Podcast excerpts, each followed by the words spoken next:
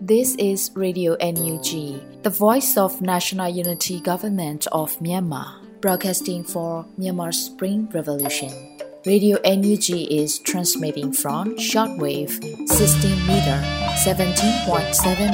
MHz at 8:30 a.m. and 25 meter 11.94 MHz at 8:30 p.m. Myanmar Standard Time. မင်္ဂလာပါရှင်။ မြို့သားညီညွတ်ရေးအစိုးရရဲ့အတန်နှုန်းဌာန Radio NUG ကိုမနက်ပိုင်း၈နာရီခွဲမှာလိုင်းတူ16မီတာ19.89 MHz ညပိုင်း၈နာရီခွဲမှာလိုင်းတူ25မီတာ17.6 MHz တို့မှာဓာတ်ရိုက်ဖမ်းယူနိုင်စေနိုင်ပါရှင်။မင်္ဂလာအပေါင်းနဲ့ပြည့်စုံကြပါစေ။အခုချိန်ကစပြီး Radio NUG အစီအစဉ်လေးကိုဓာတ်ရိုက်အတန်လွှင့်ပေးနေပါပြီရှင်။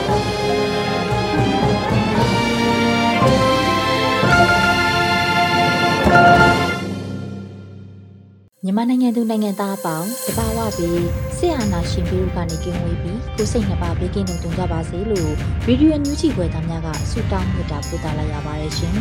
။အခုချိန်ကစပြီးပြည်တွင်သတင်းများကိုတော့ဝေဦးမှကဖတ်ကြားတင်ပြပေးပါရမရှင်။မင်္ဂလာပါရှင်။အခုချိန်ကစပြီး Radio UNG ရဲ့ဒီဇင်ဘာလ23ရက်နေ့နောက်ဆုံးရသတင်းများကိုတင်ပြပေးပါမယ်။ကျွန်မຫນွေဦးမိုင်းပါ။ အာနာရှင်စနစ်ဆိုးကိုပြန်လည်အသက်သွင်းမဲ့အမှုအကျင့်ဟောင်းတွေဖယ်ရှားရေးကို UNG အစိုးရရဲ့ပညာရေးဥတီချက်ဖြင့်အလေးထားတယ်လို့ယာယီသမရဒူဝါလက်ရှိလာပြောကြားတဲ့သတင်းကိုတင်ပြပေးပါမယ်။အာနာရှင်စနစ်ဆိုးကိုပြန်လည်အသက်သွင်းမဲ့အမှုအကျင့်ဟောင်းတွေဖယ်ရှားရေးကို UNG အစိုးရရဲ့ပညာရေးဥတီချက်ဖြင့်အလေးထားတယ်လို့ယာယီသမရဒူဝါလက်ရှိလာကဆိုပါတယ်။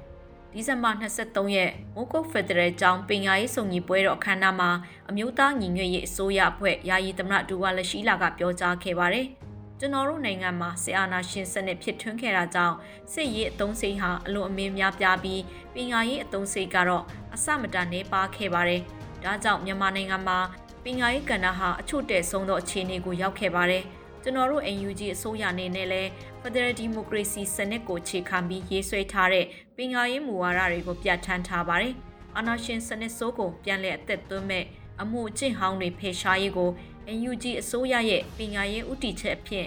အလေးထားကြောင်းပြောလိုပါတယ်လို့ဆိုပါတယ်။ဒါအပြင်လက်ရှိမြန်မာ့ຫນွေဦးတော်လှိုင်းမှာပညာရေးပြုပြင်ပြောင်းလဲမှုကိုတပါးရင်လှုံ့ဆော်ကြရမှာဖြစ်ပြီးတော့ပ ညာရေးဟာလူအဖွဲ့အစည်းတိုးတက်ရေးအတွက်အခြေခံအုတ်မြစ်ဖြစ်တယ်လို့ယာယီသမရကထပ်လောင်းဆိုပါတယ်ရှင်။လုံခြုံရေးကောင်စီဆုံးဖြတ်ချက်အာဆီယံရဲ့လှုပ်ဆောင်နိုင်မှုကိုပုံမှုအားကောင်းစေနိုင်တယ်လို့လူအခွင့်ရေးရဝန်ကြီးဦးအောင်မျိုးမင်းပြောကြားတဲ့သတင်းကိုတင်ပြပေးချင်ပါတယ်။ကုလသမဂ္ဂလုံခြုံရေးကောင်စီဆုံးဖြတ်ချက်အာဆီယံရဲ့လှုပ်ဆောင်နိုင်မှုကိုပုံမှုအားကောင်းစေနိုင်တယ်လို့ဒီဇင်ဘာ23ရက်မှာလူခွင့်ရေးရဝန်ကြီးဌာနက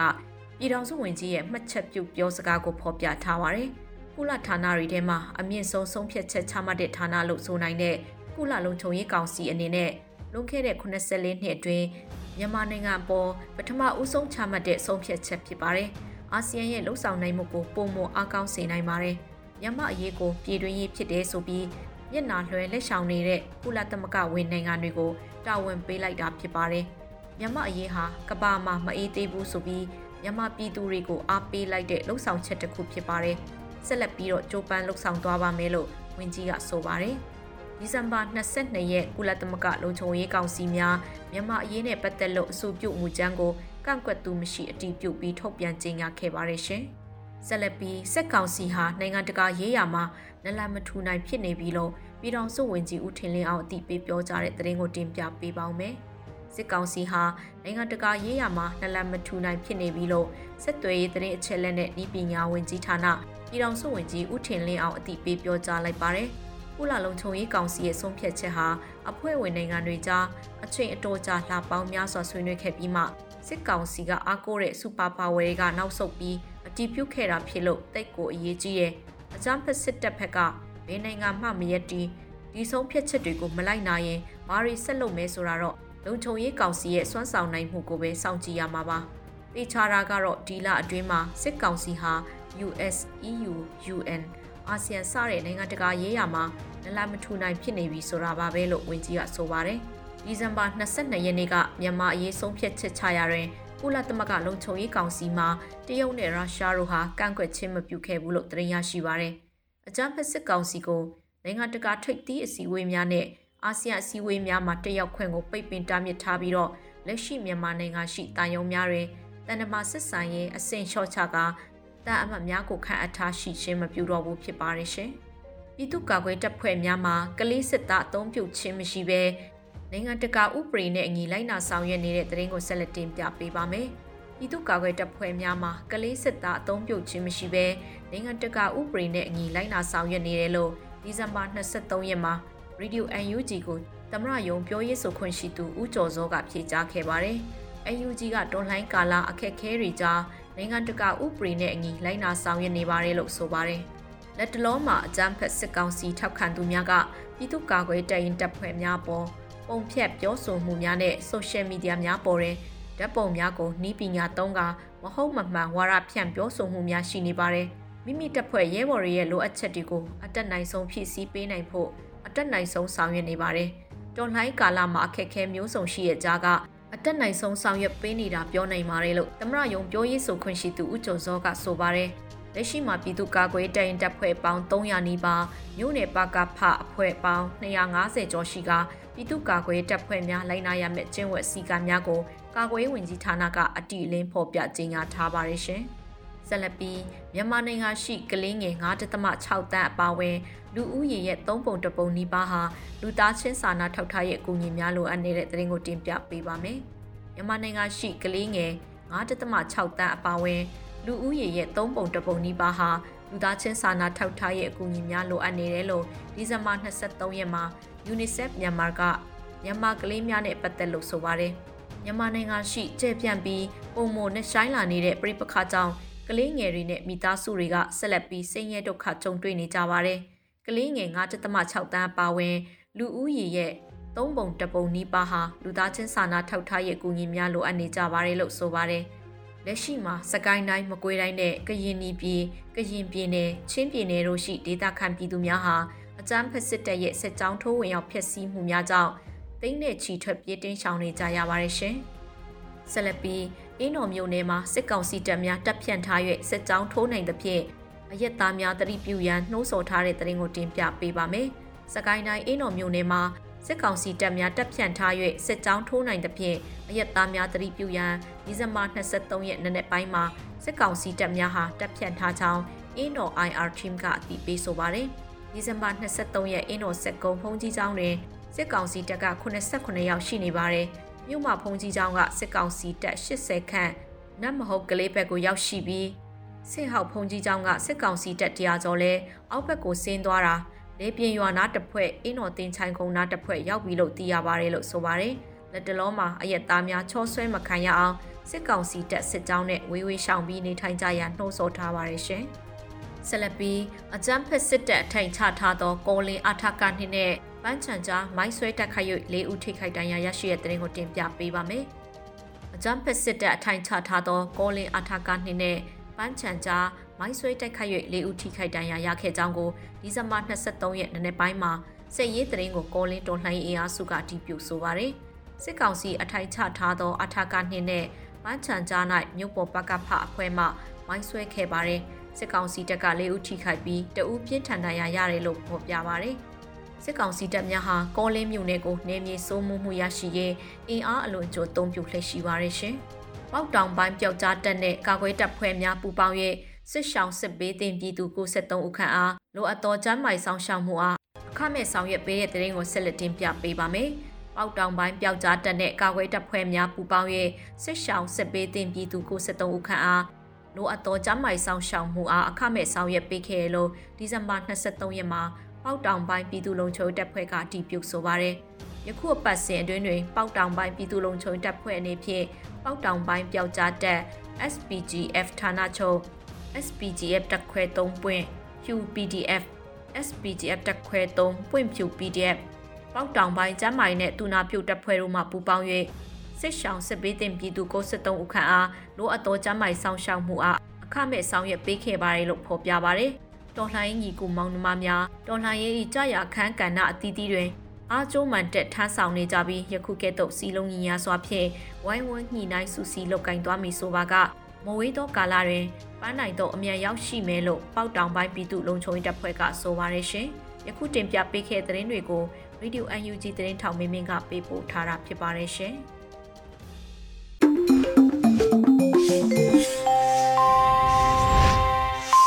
ရေရွယ်ညူချီရဲ့ညပိုင်းစီစဉ်ကိုဆက်လက်တင်ပြနေပါတယ်။ အခုဆက်လက်ပြီးကုလသမဂ္ဂသတင်းစာရှင်းလင်းပွဲမှာမြန်မာတန်မှတ်ကြီးရဲ့ပြောကြားချက်ကိုလွတ်လပ်နေဦးရဲ့အတန်ဖြင့်နားဆင်ကြရမှာဖြစ်ပါရဲ့ရှင်။ကြွားရောက်လာကြသူအားလုံးကိုကျေးဇူးတင်ပါတယ်။မြန်မာနိုင်ငံမှာဖြစ်ပျက်နေတဲ့အခြေအနေတွေပေါ်ကုလသမဂ္ဂလုံခြုံရေးကောင်စီမှဆုံးဖြတ်ချက်ချလိုက်တဲ့အပေါ်ကိုကျွန်တော်တို့အားရကျေနပ်နှစ်သက်မိပါတယ်။အမျိုးသားညီညွတ်ရေးအစိုးရကလည်းဒီနေ့မှာကုလသမဂ္ဂလုံခြုံရေးကောင်စီရဲ့ဆုံးဖြတ်ချက်ကိုကြိုဆိုတဲ့ ထုတ်ပြန်ချက်တစ်စောင်လည်းထုတ်ထားပါတယ်။ထုတ်ပြန်ချက်ထဲမှာပါတဲ့ထင်ရှားတဲ့အချက်တွေကိုကျွန်တော်ပြောပြပါရစေ။ပြည်ထောင်စုသမ္မတမြန်မာနိုင်ငံတော်အမျိုးသားညီညွတ်ရေးအစိုးရအနေနဲ့လက်ရှိနိုင်ငံတွင်းဖြစ်ပျက်နေတဲ့အခြေအနေနဲ့ပတ်သက်တဲ့ဆုံးဖြတ်ချက်မူကြမ်းကိုကုလသမဂ္ဂလုံခြုံရေးကောင်စီကဆုံးဖြတ်အတည်ပြုလိုက်တဲ့ပေါ်ကြိုဆိုပါတယ်။အထူးသဖြင့်အဆိုပါမူကြမ်းနဲ့ပတ်သက်ပြီးပြုစုတဲ့လုပ်ငန်းစဉ်တွေမှာဥဆောင်ခဲ့ပြီးဒီမူကြမ်းကိုအတည်ပြုရမှာလဲပါဝင်ခဲ့တဲ့ပြည်တိုင်နိုင်ငံနဲ့ အခြားထောက်ခံတဲ့နိုင်ငံတွေကိုလည်းကျေးဇူးတင်ကြောင်းကိုဖော်ပြလိုပါတယ်။အမျိုးသားညွရေးအစိုးရအနေနဲ့အခုအတည်ပြုလိုက်တဲ့ဆုံးဖြတ်ချက်ဆိုကိုလည်းထောက်ခံပါတယ်။မြန်မာနိုင်ငံဒီမိုကရေစီပြန်လည်ထွန်းကားရေးအတွက်အခုအတည်ပြုလိုက်တဲ့ဆုံးဖြတ်ချက်တွေကိုကုလသမဂ္ဂအဖွဲ့ဝင်နိုင်ငံတွေပါဝင်သက်ဆိုင်သူတွေအားလုံးအနေနဲ့အချိန်နဲ့တပြေးညီဆောင်ရွက်ပေးကြဖို့ကိုလည်းတိုက်တွန်းအပ်ပါတယ်မြန်မာနိုင်ငံမှာဖြစ်ပေါ်နေတဲ့ဆိုးဝါးတဲ့အခြေအနေတွေအတွက်လုံခြုံရေးကောင်စီကအရေးယူရမှာ ဒီဆုံးဖြတ်ချက်ဆိုဟာတိုးတက်မှုတစ်ခုအဖြစ်ပြသနိုင်ရုံသာမကပဲနိုင်ငံတကာငြိမ်းချမ်းရေးနဲ့တည်ငြိမ်ရေးကိုမြန်မာစစ်တပ်ကချင်းချောက်နေမှုကိုလည်းပြသပေးပါတယ်အပြုသဘောဆောင်တဲ့အချက်လက်တွေပါဝင်နေတဲ့ဆုံးဖြတ်ချက်အဆိုမှာကျွန်တော်တို့အမျိုးသားညီညွတ်ရေးအစိုးရကမျှော်လင့်ထားတဲ့အချက်တွေမပါဝင်လာသေးတာကိုတွေ့ရှိရပါတယ်အခုဆုံးဖြတ်ချက်ဟာပထမဆုံးခြေလှမ်းဖြစ်ကျွန်တော်တို့ရှုမြင်ပါတယ်ဒါကြောင့်ကုလသမဂ္ဂလုံခြုံရေးကောင်စီနဲ့ညီလာခံတို့ကအခုဆုံးဖြတ်ချက်ကိုအခြေခံပြီးအာဏာရှင်စနစ်နဲ့ သူတို့ရဲ့ရာဇဝတ်မှုတွေကိုအပိအပြတ်ချုပ်ငိမ့်နိုင်ရေးအတွက်ပိုပြီးခိုင်မာတဲ့လှုပ်ဆောင်ချက်တွေကိုအချိန်မီဆောင်ရွက်ကြဖို့မြန်မာပြည်သူများကိုစားအမျိုးသားညီညွတ်ရေးဆိုရကတောင်းဆိုပါတယ်အခုအတီးပြုတ်လိုက်တဲ့ဆုံးဖြတ်ချက်ဟာမြန်မာနိုင်ငံနဲ့ပတ်သက်ပြီးကုလသမဂ္ဂလုံခြုံရေးကောင်စီရဲ့လုပ်ငန်းကိုစတင်ခဲ့ခြင်းပဲဖြစ်ပါတယ်ကုလလုံခြုံရေးကောင်စီကအခုကိစ္စအပေါ်မှာဦးစားပေးအလုပ်ဖြစ်ပုံမှန်ဆောင်ရွက်ဖို့တော့လိုပါတယ်အထူးအချက်ကတော့မြန်မာပြည်သူတွေရဲ့အသက်အိုးအိမ်စည်းစိမ်ကိုကယ်တင်ရေးနဲ့ ဒေသတွင်းမတည်မငြိမ်ဖြစ်နေတာတွေကိုကာကွယ်ထိန်းသိမ်းဖို့လုံခြုံရေးကောင်စီရဲ့ပြတ်သားတဲ့ဆုံးဖြတ်ချက်ကိုအထူးလိုအပ်ပါတယ်အားလုံးကိုကျေးဇူးတင်ပါတယ်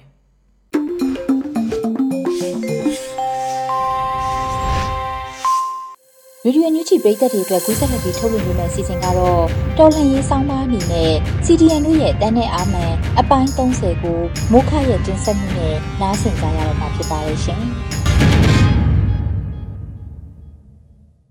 အားလုံးပဲမင်္ဂလာပါကျွန်တော်ရဲ့တော်လိုင်းမိတ်ဆွေတွေအနေနဲ့အခုဒီရက်ပိုင်းထဲမှာသတင်းပေါင်းစုံပေါ့နော်ပြည်တွင်းပြည်ပမှာရှိတဲ့သတင်းပေါင်းစုံအထူးသဖြင့် social media ပေါ်မှာ hot ဖြစ်နေတဲ့သတင်းတွေပေါ့နော်ဒါတွေကိုကြည့်ပြီးတော့အဲစိတ်ဓာတ်တွေကြာလိုက်တက်လိုက်ဖြစ်နေမယ်ဆိုတာကိုပြေဝနားလဲပါတယ်ဒါကြောင့်မို့လဲဒီ ကိစ္စတွေနဲ့ပတ်သက်ပြီးတော့ဗောနော်ဒီနေ့အတန်လွင့်ဆောင်းပါးလေးမှာပြောပြကြလေးရှိတယ်ပေါ့အားလုံးပဲသတိထားမိကြလားတော့မသိဘူးဗောနော်ဟို post တွေဒီရက်ပိုင်းထဲမှာတချို့အဲစိတ်တက်ကြစရာကောင်းတဲ့ post တွေစက်တိုက်တက်လာတယ်ဗောနော်အဲအတိတာထင်ရှားတဲ့ဒီဒီ online နဲ့ပတ်သက်တဲ့တက်ရောက်မှုတစ်ခုကိုပြောမှဆိုလို့ရှိရင်ဟိုတနေ့က C2D ဗောနော် click to donate ကတင်ထားတယ်ပေါ့ဟိုဒေါ်လာ200လောက်ပဲအဲရလို့ဆိုတဲ့ကိစ္စပေါ့နော်ဒီနေ့ခါတိုင်းက သိန်း4သိန်း6သိန်းသိန်း200လောက်ရရင်တော့နဲတယ်ဆိုတဲ့အခြေအနေကနေပြီးတော့မှဒေါ်လာ200ပဲရတယ်ဆိုတဲ့အနေထားမျိုးဖြစ်သွားတာအားကြီးကိုထိုးကြသွားအဲ့တော့ဟိုဘလိုဖြစ်လို့တလောက်တောင်ဝင်ငွေကျဆင်းသွားလဲဆိုပြီးတော့သူ့ရဲ့အကြောင်းရင်းပေါ့နော်အဲ cost ကိုလိုက်လိုက်တော့ပလဲနယ်ကပေါ့နော်အဲ MRD အဲဘုံနကားနဲ့ပလဲကဘကဘဘာဘခေါင်းဆောင်နေပေါ့နော်ညနာဆောင်ကြီးအစည်းအဝေးဆိုပြီးသူတို့ live လွှင့်နေပေါ့နော် အဲ့နေရကိစ္စနဲ့နောက်လည်းအဲ့ဒီအဲ့ဒီရက်မှာအဲ့ကိစ္စကြီးဖြစ်သွားတာဘယ်လိုမျိုးတုံးတက်လို့ရတယ်လဲဆိုတော့ဒီမှာတော်လိုင်းမှာအကွဲပြဲတွေဖြစ်နေပြီပေါ့နော်ဒီကလစ်တဲ့သူတွေလုံးတဲ့သူကလုံးတယ်ကလစ်နေပေမဲ့လည်းငွေကြီးအလုံးသုံးကိစ္စတွေဖြစ်နေတယ်အဲလုံးနေတဲ့သူတွေကလည်းအချင်းချင်းမတဲကြဘူးပြဿနာတွေအကွဲပြဲဖြစ်နေတယ်ဆိုတာမျိုးပေါ့နော်ဒါမျိုးတွေတချို့ကလစ်ကာတွေကယူဆသွားကြတာပေါ့နော်ပြည်သူတွေကယူဆသွားတဲ့ကြောင့်မလို့လိုမျိုးဟကလစ်နှုံးထိုးကြသွားတယ်တက်ရောက်မှုတွေရှိတယ်ဆိုတာမျိုးကိုအဲ သုံးသပ်မိတယ်ပေါ့နော်အဲ့တော့ကျွန်တော်တို့အဓိကကမြင်းမြင်းမှတ်ထားကမှာကကျွန်တော်တို့ဒေါ်လာပြည်သူတွေမြင်းမြင်းမှတ်ထားတင်တာကကျွန်တော်တို့ကစစ်ကောင်စီကိုတိုက်နေတယ်ဒီစစ်အာဏာရှင်ကိုတိုက်နေတယ်ဆိုတဲ့နေရာမှာကျွန်တော်တို့ကစိတ်တက်နဲ့အဓိကထားပြီးတိုက်ကြတာကျွန်တော်တို့ကစိတ်တက်ကခံယူချက်ကဒီနှစ်ခုနဲ့တိုက်ကြတာပေါ့နောက်တစ်ခုကဇွဲပေါ့ကျွန်တော်တို့သူတို့မှာအားသာချက်ကအဓိကအားသာချက်ကလက်နက်ပဲခိမီလက်နက်ကရိယာတွေရှိတယ်ပေါ့ရုရှားထောက်ပံ့တယ်တရုတ်ထောက်ပံ့တယ်အိန္ဒိယထောက်ပံ့တယ်တခြားနိုင်ငံတွေပေါ့ပါကစ္စတန်ပါညာအဲ့လိုမျိုး ခိုးပြီးတော့ဝယ်ထားတဲ့ထောက်ပံ့ထားတဲ့ပစ္စည်းတွေလက်နက်ကရိယာတွေပေါ့နော်ဒီအထူးသဖြင့်လေယာဉ်တွေပေါ့ဒါတွေကရှိတယ်သူတို့မှာအားသာချက်ကကျွန်တော်တို့ဘယ်လိုမှမရှင်းနိုင်ဘူးဒီလက်နက်ကိုကျွန်တော်တို့မှရှင်းနိုင်တာကစိတ်တက်ပေါ့နော်အဲ့တော့ကျွန်တော်တို့မှစိတ်တက်ကပြက်ပြလို့မရဘူးကြသွားလို့မရဘူးရိုင်းစင်းလို့မရသွားဘူးပေါ့ဒါမျိုးပြင်ပကနေ external factors လို့ခေါ်တဲ့ကိစ္စတွေကအများကြီးကလာနေမှာပဲတစ်ခုပြီးတစ်ခုပြီးတော့အဓိကနားနေတာကမှာတော်လိုင်းမှာကို ကြားကျင်တဲ့သတင်းကောင်းတွေပေါ့နော်အာတက်စရာတွေဝမ်းသာစရာတွေမိုဒီဖြစ်စေတဲ့အရာတွေပဲအမြဲတမ်းကြားဖို့ဆိုတာလုံးဝမဖြစ်နိုင်ဘူးအဲ့တော့တခါတလေမှာစိတ်ထိခိုက်စရာတွေဝမ်းနည်းစရာတွေစိတ်ပြက်စရာတွေမကြားကျင်တဲ့သတင်းတွေကိုလည်းကြားကြုံရနိုင်တယ်ပြီးတော့အလုံးလုံးနေတဲ့အတွက်ကြောင့်မလို့အချင်းချင်းပုတ်တိုက်မှုတွေလည်းဖြစ်လာနိုင်တယ်တော်လိုင်းအင်အားစုချင်းချင်းလည်းဖြစ်လိမ့်မယ်ပြီးရင်အဓိက NUG ပေါ့ NUG နဲ့ပတ်သက်ပြီးတော့လည်းဒီမကြားကျင်တဲ့သတင်းတွေကြားနိုင်တယ်ပေါ့ကျွန်တော် ဒီမှာကြုံလုံးလက်စားတယ်ပြောလို့ရှိရင် NUG မှာလည်းဒီမတထောင်တိုင်းနဲ့ဖွဲ့စည်းရတာဖြစ်တဲ့ကြောင့်မလို့အဲလူကောင်းတွေရှိသလိုစုံမျိုးတွေလည်းပါလာနိုင်တယ်ပေါ့နော်အဲ့တော့ဒီတယောက်စားနှစ်ယောက်စားအဲအ ਨੇ စုမကောင်းတာနဲ့ပဲအဖွဲ့အစည်းတစ်ခုလုံးကိုယုံကြည်မှု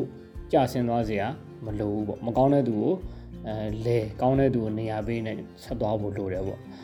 ဆိုတော့လုံရင်းကိုပြန်ဆရလို့ရှိရင်ကျွန်တော်တို့ကစိတ်ဓာတ်နဲ့ တော်လန်နေရတာဖြစ်တဲ့အတွက်ကြောင့်မလို့စိတ်တက်ကြံ့ခိုင်အောင်လေ့ကျင့်ထားဖို့လိုပါမယ်ပေါ့နော်အပျော်စရာသတင်းကြရင်လည်းပြောလိုက်ပြီးရင်ကိုလို့စရာရှိရဆက်လို့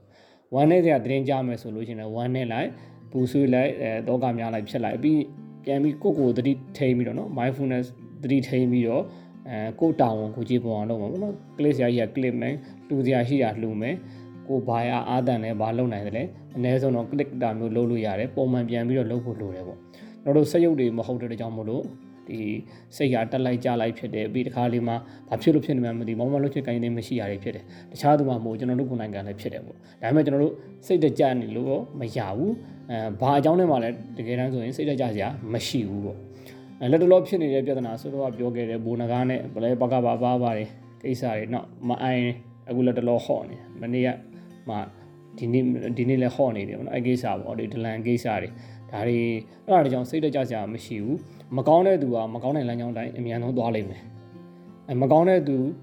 မကောင်းတာမှန်ရင်လည်းဖော်ထုတ်ပြီးတော့ဖယ်ရှားရှင်းလင်းတာမျိုးတွေလုပ်ကြမယ်ပြည်သူကိုသတိပေးတာမျိုးကျွန်တော်တို့လုပ်ကြမယ်ပြီးရင်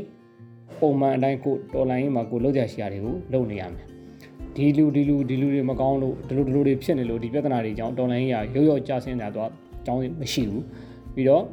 တော်လိုင်းရေးကပုံမှန်တိုးတက်ပြောင်းလဲနေတယ်ပေါ့နော် Facebook ရဲ့ဒီ AI နည်းပညာအရပေါ့သူတို့ company ကနေပြီးတော့မှထုတ်လိုက် policy အရဒီနိုင်ငံရေးသတင်းတွေဆိုရင်အရင်ကနဲ့ဆိုင်ပြန့်နှံ့မှုနှုန်းနည်းသွားတယ် reach တွေအချခံရတယ်ပေါ့နော်အဲ့တော့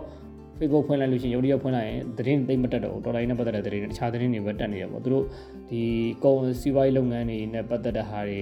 အဲဒေါ်လာပေးပြီးတော့ boost လုပ်ထားတဲ့ကြောညာတွေဒီ account တွေ page တွေကပေါ့သူတို့ page တွေကနေတက်လာတာတွေမျိုးတွေပဲ ရှိတယ်ပေါ့နော်အဲ့တော့အဲဒီတိုင်းပြီးသွားပြီလားဆိုတာမျိုးအဲယုံမတန်ကြဖြစ်တာအကြောင်းမရှိဘူး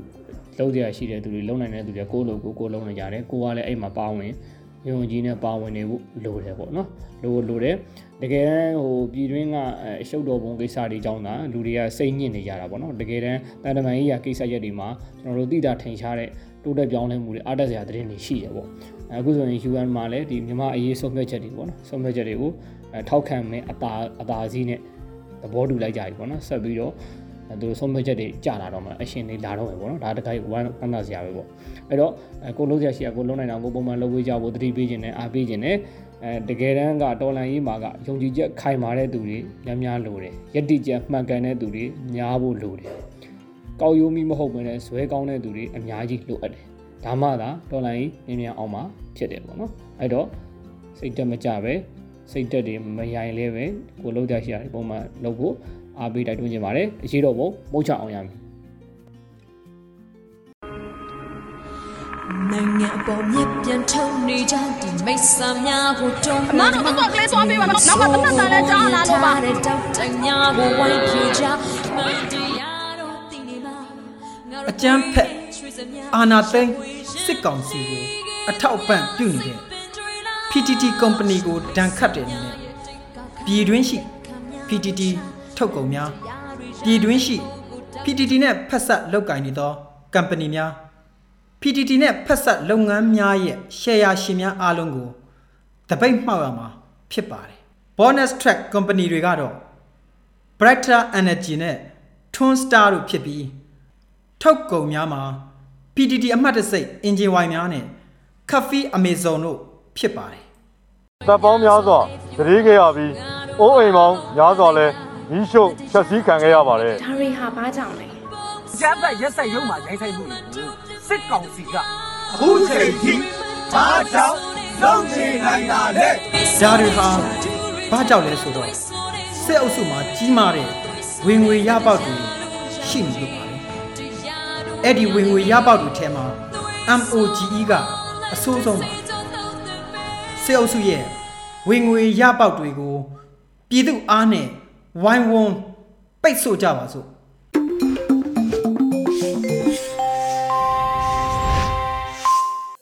ရေဒီယိုအန်ယူဂျီပရိသတ်တွေအတွက်ကူးဆက်လက်ပြီးထုတ်လွှင့်ပေးမှာကတော့တော်လှန်ရေးအမှုပညာကဏ္ဍဖြစ်ပါတယ်။ဖြစ်ချောင်းကုန်စင်အညာတခွင်အပိုင်း31ကိုတော့တန့်ဝေကျော်ရဲ့တင်ဆက်မှုနဲ့နားဆင်ကြရတော့မှာဖြစ်ပါရဲ့ရှင်။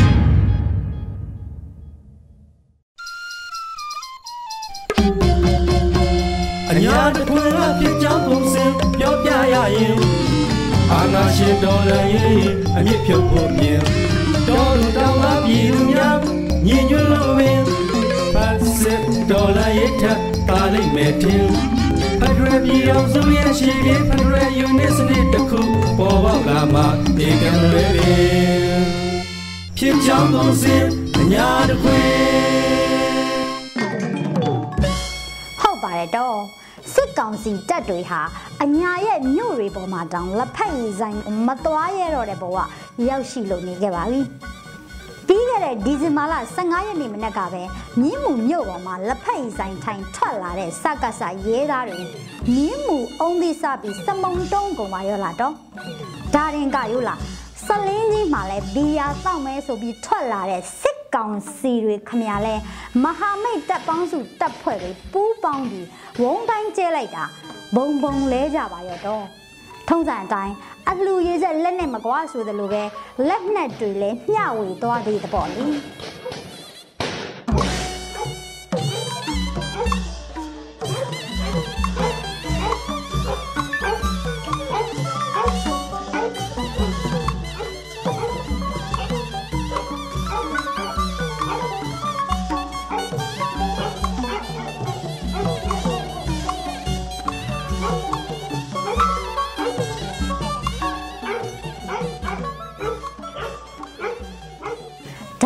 ရို့လားဆိုတော့မုံရွာမြို့ပေါ်မှာလဲဒီဇင်ဘာ20ရက်နေ့ကပဲနေကျုံလာတဲ့စက္ကဆရဲသားတွေနဲ့နုကြီးရဲ့ပြည်သူရဲတပ်ဖွဲ့တဲ့တဲ့ဒုံပြီးပြစ်ကြခတ်ကြတာရဲတယောက်စမုံတုံးပြီးလက်နဲ့ပါရလိုက်ကြမှာတော့ရတော့ပြီလားရတော့ပါလားဆောက်ပါဆောက်ပါဆောက်ပါဆောက်ပါရတော့တက်တက်တက်တက်တက်တက်တက်တက်သွားတက်သွားပြေးရ ပြေးပြေးပြေးပြေးပြေး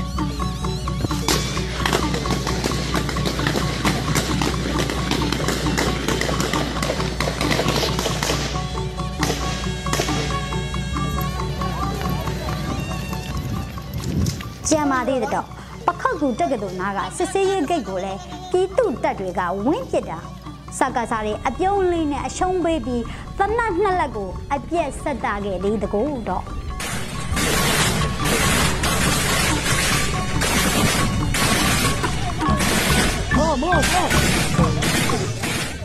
တခြားရေစကြိုကတာကန့်ဘလူဆိုင်ပြင်းတပရင်နဲ့ဒဇယ်တို့မှာလဲစကားစာတက်သားရဲသားတွေလက်ဖြစ်ရင်တောင်ခေါင်းမပြူဝင့်မှာဆိုတဲ့ဘဝကိုရောက်ရှိနေပါပြီတော့အညာဒေတာရဲ့နယ်မြေစိုးမိုးမှုဆိုတာဒါပါပဲဆိုပြီးအပေါင်းလူကိုမောင်းတတူတူနဲ့ဟစ်ကပြလိုက်ချင်းတော့တာပါပဲတော့ တဲ့ရင်ရဲ့ကိုနိုင်ရောင်ချိုးပြီးပါဘောလေလာကြဟေးတစ်ဖက်ရေးဆိုင်ကိုသွားကြပါစို့လေကြောက်ပါတယ်ကြောက်ပါတယ်မလိုက်ရဲဘူးတဲ့လေစကန်ထမာရင်ချောင်းပြစ်ခါဖောင်းတိုင်းကျွေလို့နေကောက်တော့စားစားမင်းသားလုံးမရပေနောက်ဘဝအခါမဲကူ ပြောင်းသွားတတ်ပေတော်ပြီကွာနေခဲ့ပါရစေဒီချိန်ညမှာ PDF ညစကန်ထရဆောင်ပြီးဝိုင်းဝုံကြလို့မလာခြင်းပါဘူးလေဖယေဆိုင်ကိုမတော်တော့ပါဘူးလေမလာဘူးဟေးဖယေဆိုင်ကိုမတော်တော့ပါဘူးလေဒီလိုမြို့ပေါ်လျှက်တစ်ပြက်တိုက်ပွဲတွေတာမက တောထဲမှာတွေ့တဲ့မျက်နှာချင်းဆိုင်တိုက်ပွဲတွေမှာလည်းပြည်သူဘက်တော်သားတွေကအသာစီးရနေတာကိုတွေ့ရပါတော့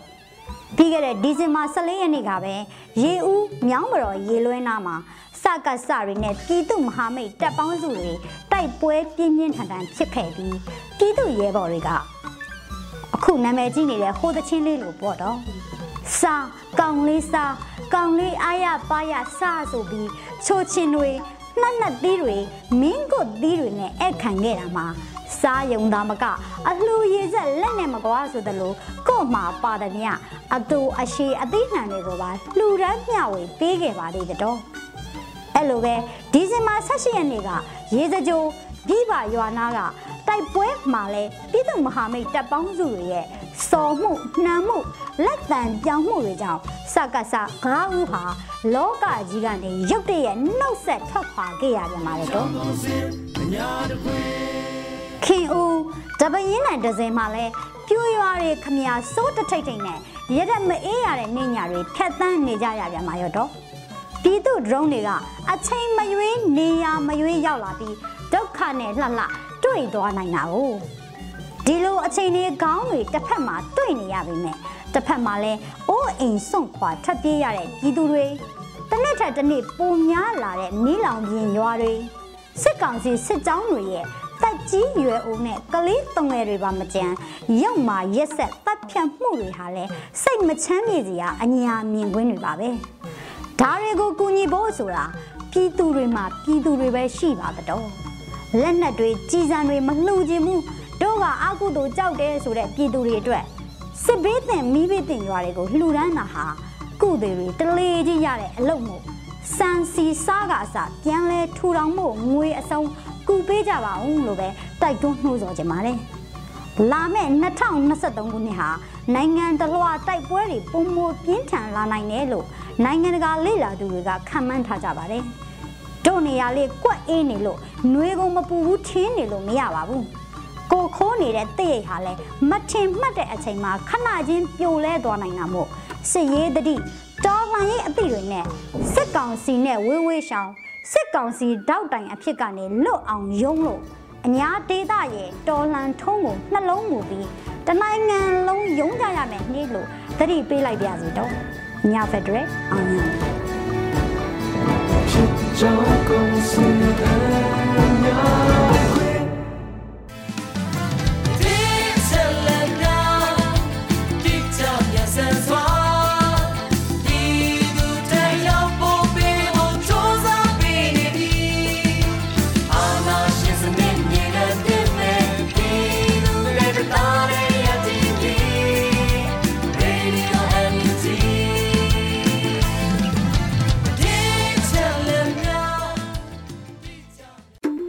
ဒီကနေ့ကတော့ဒီညနဲ့ပဲ Radio NUG ရဲ့အစီအစဉ်လေးကိုခਿੱတရနာလိုက်ပါမယ်ရှင်။မြမစံတော်ချိန်မနက်၈နာရီခွဲနဲ့ည၈နာရီခွဲအချိန်တွေမှာပြန်လည်ဆုံတွေ့ကြပါစို့။ Radio NUG ကိုမနက်ပိုင်း၈နာရီခွဲမှာလိုင်းတူ16မီတာ19.8